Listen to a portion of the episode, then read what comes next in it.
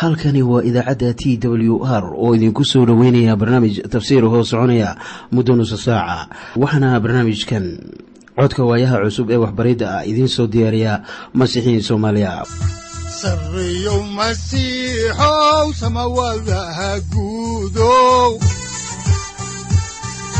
Siraadkii adduunkow subanaha eebow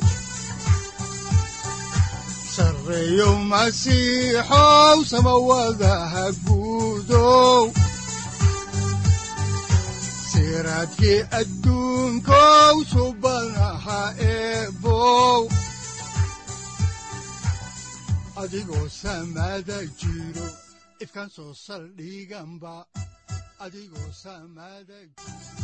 ku soo dhowaada dhegaystayaal barnaamijkeenna dhammaantiinba waxaannu caawa idiin sii wadi doonnaa daraasaad aynu ku eegayno injiilka sida matayos uu qoray waxaana daraasaadkaas loogu magac daray baibalka dhammaantii. Waxaannu macluumaad idinka siinaynaa ahmiyadda uu leeyahay injiilka sida matayos uu qoray. Waxaanan caawa idiin sii wadi doonnaa cutubka laba iyo tobanaad oo aan kaga gudbi doonno kan saddex iyo tobanaad. Waxaana mawduucyada cutubkani uu ka kooban yahay kow arbishaad labo iyo kala bixii u dembeeyey ee madaxdii diinta. Balse inta aynaan idiin bilaabin barnaamijka aynu wada dhegaysanno qhasiidadan soo socota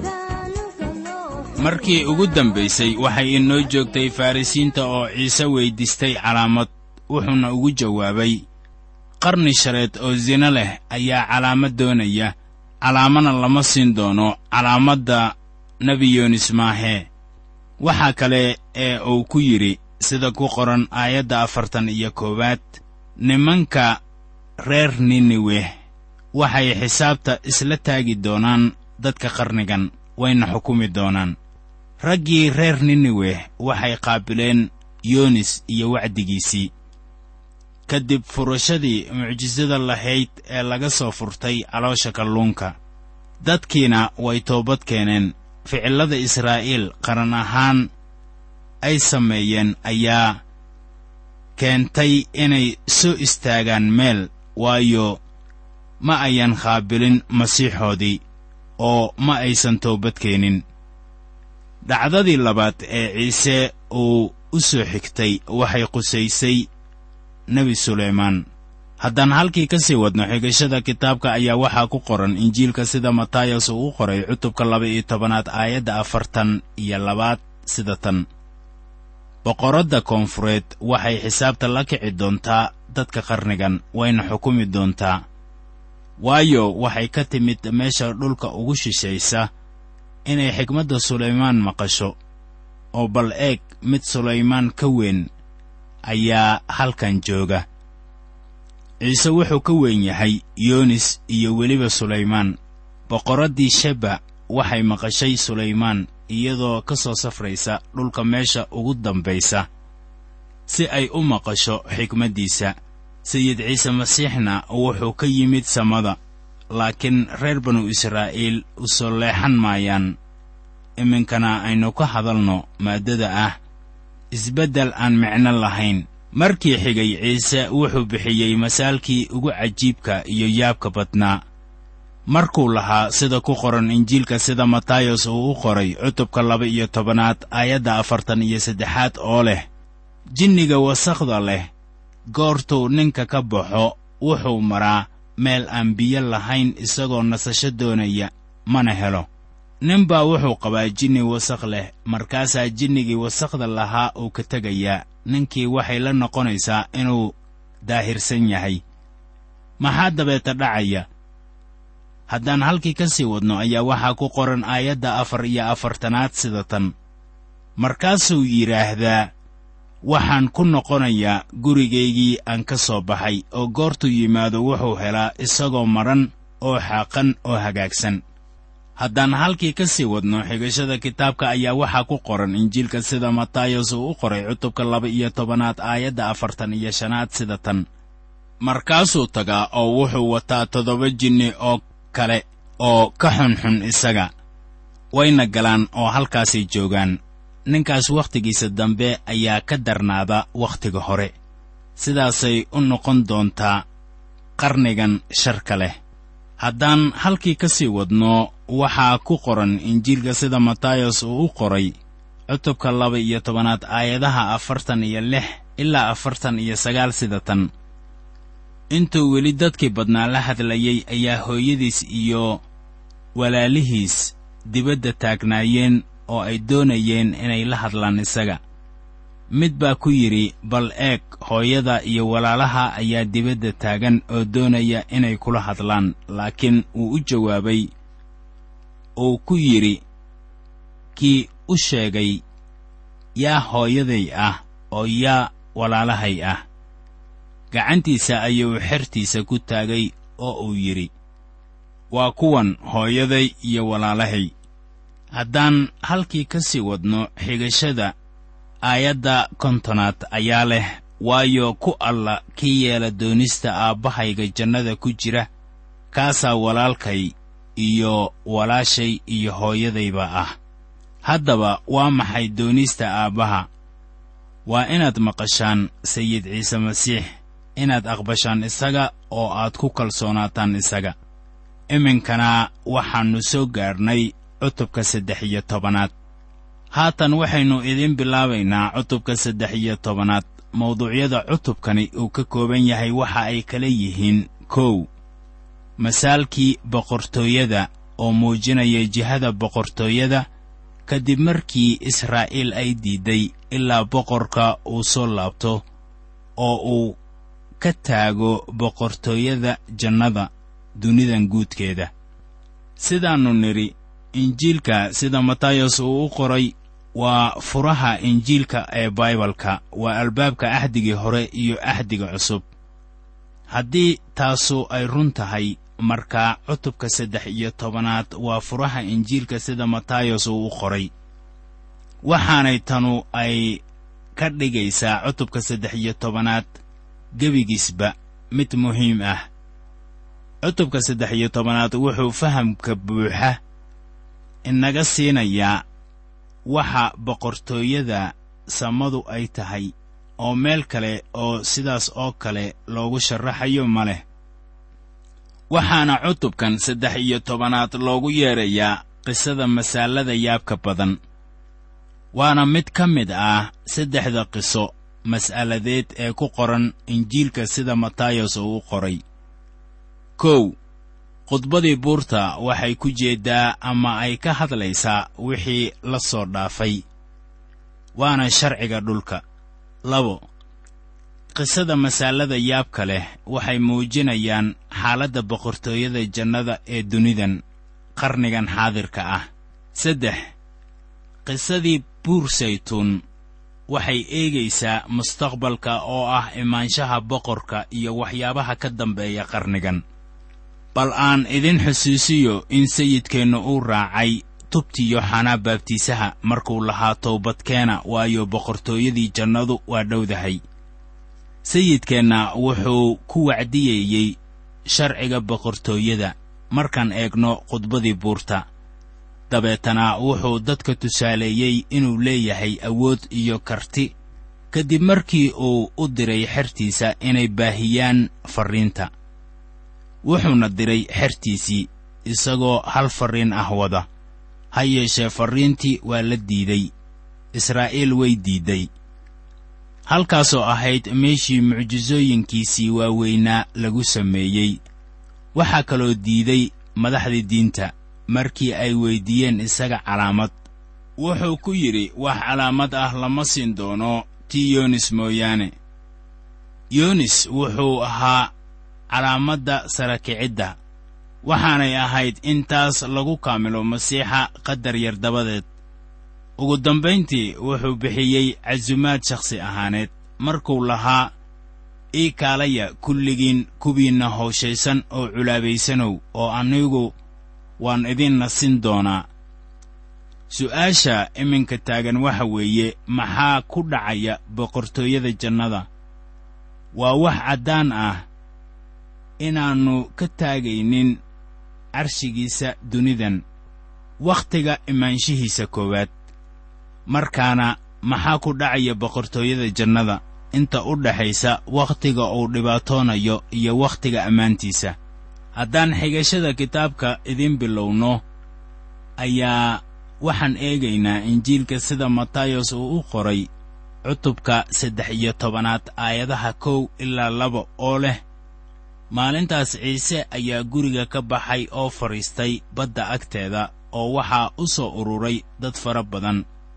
Sidaa darteed doonni ayuu fuulay oo fadhiistay. Dadkii badnaa oo dhammuna xeebtay taagnaayeen. Waxaad ogaataa calaamadda taalla halkan.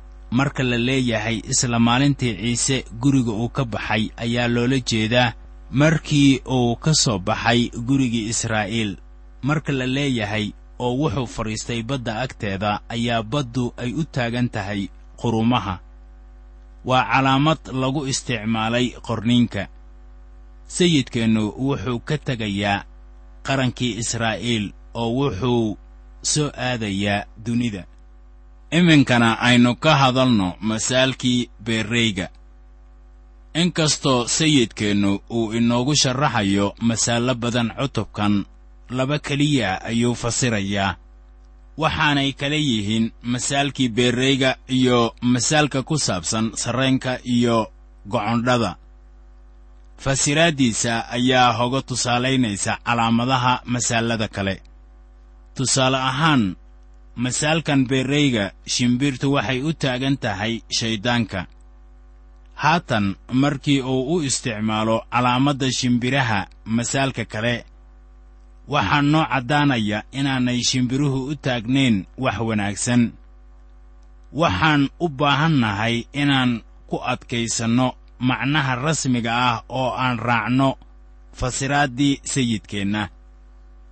Masaalka beerreyga waa kan ugu horreeya masaalada layaabka leh. Waxaana loo qaadan karayaa inuu yahay aasaaska masaalada oo dhan haddaan halkii ka sii wadno xigashada ayaan eegaynaa injiilka sida matayos uu u qoray cutubka saddex iyo tobanaad aayadda saddexaad waxaana qoran sida tan. Markaasuu wax badan masaallo ugu sheegay isagoo leh beerrey baa baxay inuu wax beero. Waxaan idin horgelayaa oon idin siinayaa fasiraadda sayidkeenna ee masaalka beerreyga wuxuu inoo sheegayaa in beerreyga uu yahay wiilka aadanaha oo abuurkuna uu u taagan yahay hadallada ilaah. Innagoo halkii ka sii wadayna ayaa waxaa ku qoran injiilka sida matayos uu u qoray cutubka saddex iyo tobanaad aayadaha afar ilaa siddeed sida tan oo intuu beerayey qaar baa jidka geestiisa ku dhacday. Kolkaasaa shimbiro ay yimaadeen oo ay cuneen. Qaar kalena waxay ku dhaceen dhul dhagax ah oo aan carro badan lahayn. Kolkiiba way soo baxeen. Waayo carradu hoos uma dheereen laakiin qorraxdu goortay soo baxday way gubteen waana engegeen. Waayo xidid ma lahayn qaar kalena waxay ku dhaceen qodxan. Qodxantiina waa soo baxday oo ay ceejisay. Qaar kalena dhul wanaagsan bay ku dhaceen oo ay midho dhaleen mid boqol mid lixdan midna soddon. Haddaba midho beerista waa umuuro caan ku ahayd dhulkii falastiin. Waxay dhulka ku falaan yaambo af badan. Mararka qaar wax badan ma falaan. Dabeetana beerrayguna wuxuu ku ridayaa midhihii dhulka. Weliba maanta dhulkeenna wakhtiga guga ilaa iyo dhul dheer. Ayaad ku arkaysaa beeraley abuuranaya haruur qamadi iyo suuf. Waana wax caadi ah in la arko iyagoo midho dhulka ku beeraya. Dabcan waxaynu isticmaalnaa cagafcagafyo ayuu leeyahay qoraagu. Si dhulka midhaha loogu rido ha yeeshee maalmahaas gacanta ayaa lagu gelin jiray abuurka dhulka haddaba sidaan idiin sheegay beerrayga wuxuu u taagan yahay ama matelayaa sayid ciise. Waxaannu taa ka ogaanaynaa masaalka sarreenka iyo gocandhada ee ku qoran cutubkan saddex iyo tobanaad aayadda soddon iyo toddobaad. Sayid ciise waa midka beeraya abuurka. Waxaanan dareensanahay in tanu ay sharraxayso shaqadiisa maanta ee dunidan isagu waxa weeye boqorka laakiin wuxuu meel iska dhigay suunkii boqornimada. Wuxuuna maanta ku howlan yahay shaqada beerrayga isagoo midho beeraya laakiin weli isaga ayaa ah boqorka. Abuurka aynu ka baranayno aayadda sagaal iyo tobanaad ayaa iyana u taagan hadallada ilaah. Dhulkuna wuxuu matelayaa dunida sida ku qoran aayadda soddon iyo siddeedaad. Waxaad haddaba ogaataa inay tahay dunida balse ayan ahayn kiniisadda. Waxaynu ka hadlaynaa wax ku saabsan xaal adduun. Waxaan u malaynayaa in sawirku sidan oo kale uu yahay. Waa sidaase aynu mar kale eegno sida ku qoran injiilka sida matayos uu u qoray cutubka sagaalaad aayadaha soddon iyo lix ilaa soddon iyo siddeed waxaana qoran sida tan. Laakiin goortuu dadkii badnaa arkay ayuu u naxariistay. Waayo way dhibaataysnaayeen oy kala fidhiirsanaayeen sidii ido aan adrijir lahayn. Markaasuu xertiisii ku yidhi waxa beerta laga goynayaa way badan yihiin shaqaaluhuse waa yar yihiin sidaa darteed sayidka beergooska barya inuu shaqaalayaal beertiisa u soo diro. Haddaba qidcadan oo aan idinku soo celinnay mar kale ayaa sayidka dadka uu u sheegay ka hor intaannu rasuulladiisa u dirin idihii lumay ee guriga israa'iil. Sannadadii sharciga ayaa soo dhammaanayey beerguristuna waxay timaadaa kadib markii wax la beero kun iyo shan boqol oo sannadood ugu dhowaan iyadoo ay sharciga ku hoos jiraan ayaa midhaha la beeray. Waxaana haatan yimid beerguristii iyo sannado cusub iyo kayr cusub. Dhammaadka sannada koowaad ayaa waxaa timid beerguristii bilowgiina waxay ahayd mirobeeris laakiin waxaan doonayaa inaan ku adkeeyo beergurista timaada sannada dhammaadkeeda waa ciqaab. Waxaa abuurka uu ku dhacayaa afar nuuc oo ciid ah oo afar marka loo qaybiyo saddex meelood abuurkaasu soo bixi maayo way dhimanayaan. Abuurkaasi waxba kama qaldana laakiin dhibku wuxuu ka imaanayaa ciidda. Waxaad ku doodi karaysaa maxaa dhul fiican abuurka loogu beeri waayey laakiin masaalkan waxaa ka dhex muuqda inaan doorasho la samaynin. Xaaladda ciidda ayaa xukunta abuurka. Sidaad og tihiinba haatan aynu eegno fasirkii sayidkeenna uu ka bixiyey nuuca ciidda ah ee abuurka uu ku dhacay.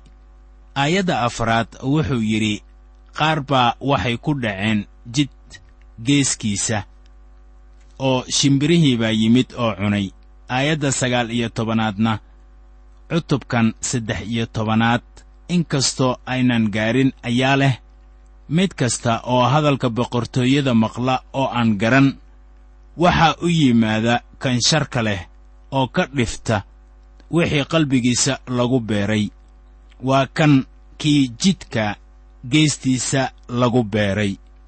Shimbiruhu waxay u taagan yihiin kan sharka leh. Kii sharka lahaa ayaa qaatay abuurkii ku dhacay jidka geestiisa tanina waa shay ay tahay in mid waliba ee xubin ka ah kiniisad uu imtixaamo qalbigiisa. Saaxiib tan ma ahaan inaad dadka kale u isticmaasho laakiin waa inaad adiga nafsaddaada ula isticmaashaa. Haddaan dib ugu noqonno xigashada kitaabka oo aan eegno injiilka sida matayos uu u qoray cutubka saddex iyo tobanaad aayadaha labaatan ilaa kow iyo labaatan ayaa leh oo kii meelaha dhagaxa ah lagu beeray waa kan hadalka maqla oo kolkiiba farxad ku qaata. Xididse isagu ma leh laakiin wakhti yar buu sii jiraa oo goortii dhib ama silic uu ugu dhaco hadalka aawadiis markiiba waa ka xumaadaa marka ay halkan joogto waxaa muhiim ah inaan maanka ku hayno in masiixinimadu ayan ahayn meel raaxa loo yimaado. Waxaa jiraya mucaarad lagaaga hor imaanayo waxaana loo baahan yahay inaad adkaysato ha yeeshee dadka qaarkii. Sida masaalkan ku cad ayaa ka carara rumaysadka masiixinimada markii silac iyo mucaaradid ay ka hor timaado haddaan halkii ka sii wadno xigashada kitaabka ayaa waxaa ku qoran injiilka sida matayos uu qoray cutubka saddex iyo tobanaad aayadda laba iyo labaatanaad sida tan. Kii qodxanta lagu dhex beerayna waa kan hadalka maqla oo ka welwelidda dunidan iyo sasabidda maalka ayaa hadalka ceejiya oo wuxuu noqdaa midho la'aan aynu haatan eegno injiilka sida matayos uu u qoray cutubka saddex iyo tobanaad aayadda saddex iyo labaatanaad oo leh kii dhulka wanaagsan lagu beeray waa kan hadalka maqla oo garta oo isagu waa kan midho dhala mid boqol mid lixdan midna soddon. Ka dib markii sayidkeennu uu sheegay masaalkii beerrayga wuxuu yidhi wax xiise leh sida ku qoran injiilka sida matayos uu u qoray cutubka saddex iyo tobanaad aayadda sagaalaad oo leh kan dhega wax lagu maqlo lahu ha maqlo. Waa hagaag. Haddii aynu leennahay waxaa ku yaalla madaxeenna geesihiisa ee loo yaqaanno dhegaha miyaynan maqlaynin isaga. Haa laakiin waxaad eegtaa su'aasha iyo jawaabtiisa.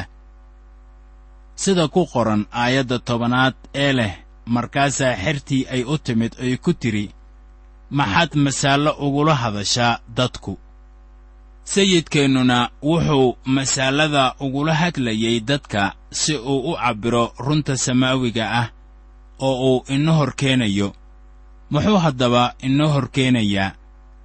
Innagoo taa ka jawaabaynaa ayaannu haatan eegaynaa injiilka sida matayos uu u qoray cutubka saddex iyo tobanaad aayadda kow iyo tobanaad oo leh wuu u jawaabay oo ku yidhi idinka waa laydiin siiyaa inaad waxa qarsoon ee boqortooyada jannada garataan kuwaase lama siiyo. Haddii qof uu doonayo inuu ogaado hadallada ilaah wuu ogaan karayaa kan doonaya inuu ogaado runta isna waa ogaan karayaa laakiin welibana dhegaha ayaa xidhan karta.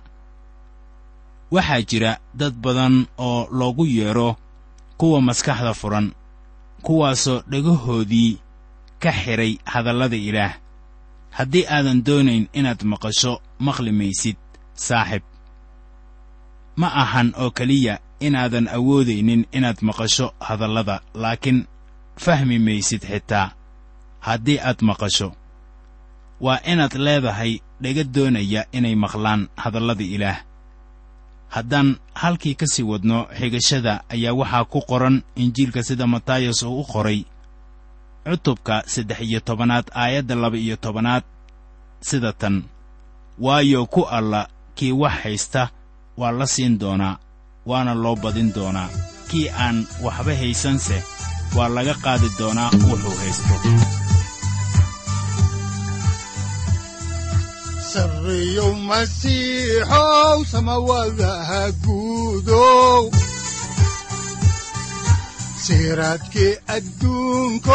subanaha eebow. Sarreyow masiixow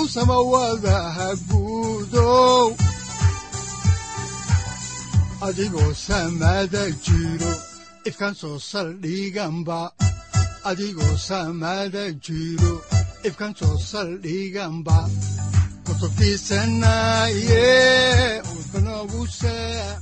halkani waa t w r idaacadda t w r oo idinku leh ilaa ha idin barakeeyo oo ha idinku anfaco wixii aad caawi ka maqasheen barnaamijka. Waxaa barnaamijkan oo kalaa aad ka maqli doontaan habeen dambe hadahan oo kale haddiise aad doonaysaan in aad fikirkiina ka dhiibataan wixii aad caawi maqasheen ayaad nagala soo xiriiri kartaan som t w r at t w r c o k e. Idaacadda t w r oo idinku leh ilaa ha idin barakeeyo oo ha idinku anfaco wixii aad caawi ka maqasheen barnaamijka. Waxaa barnaamijkan oo kalaa maqli doontaan habeen dambe hadahan oo kale haddiise aad doonaysaan in aad fikirkiina ka dhiibataan wixii aad caawi maqasheen ayaad nagala soo xiriiri kartaan som t w r at t w r c o k e dhegaystayaal haddii aad doonaysaan inaad mar kale dhegaysataan barnaamijka fadlan mar kale booqo www t t b o r g ama www t w r o r g halka sare waxaad ku arkaysaa markii aad gasho language ama luuqadda waxaana dooranaysaa soomaali haddii aad doonaysaan in aad dejisataan oo kaydsataan barnaamijka ama aad mar kale dhegaysataan fadlan mar kale booqo www t t b t w r o r g ama www t w r o r g. Haddii aad doonayso in laga kaalmeeyo dhinacyada fahamka kitaabka amase aad u baahan tahay duco fadlan fariimahaaga soo mari bogga aaraahda ama kommentska inana jawaab degdeg ah ayaanu ku soo diri doonaa amase ku siin doonaaye sarreyow masiixow salula saacadda timid dhulka sabada ku dhalatiyo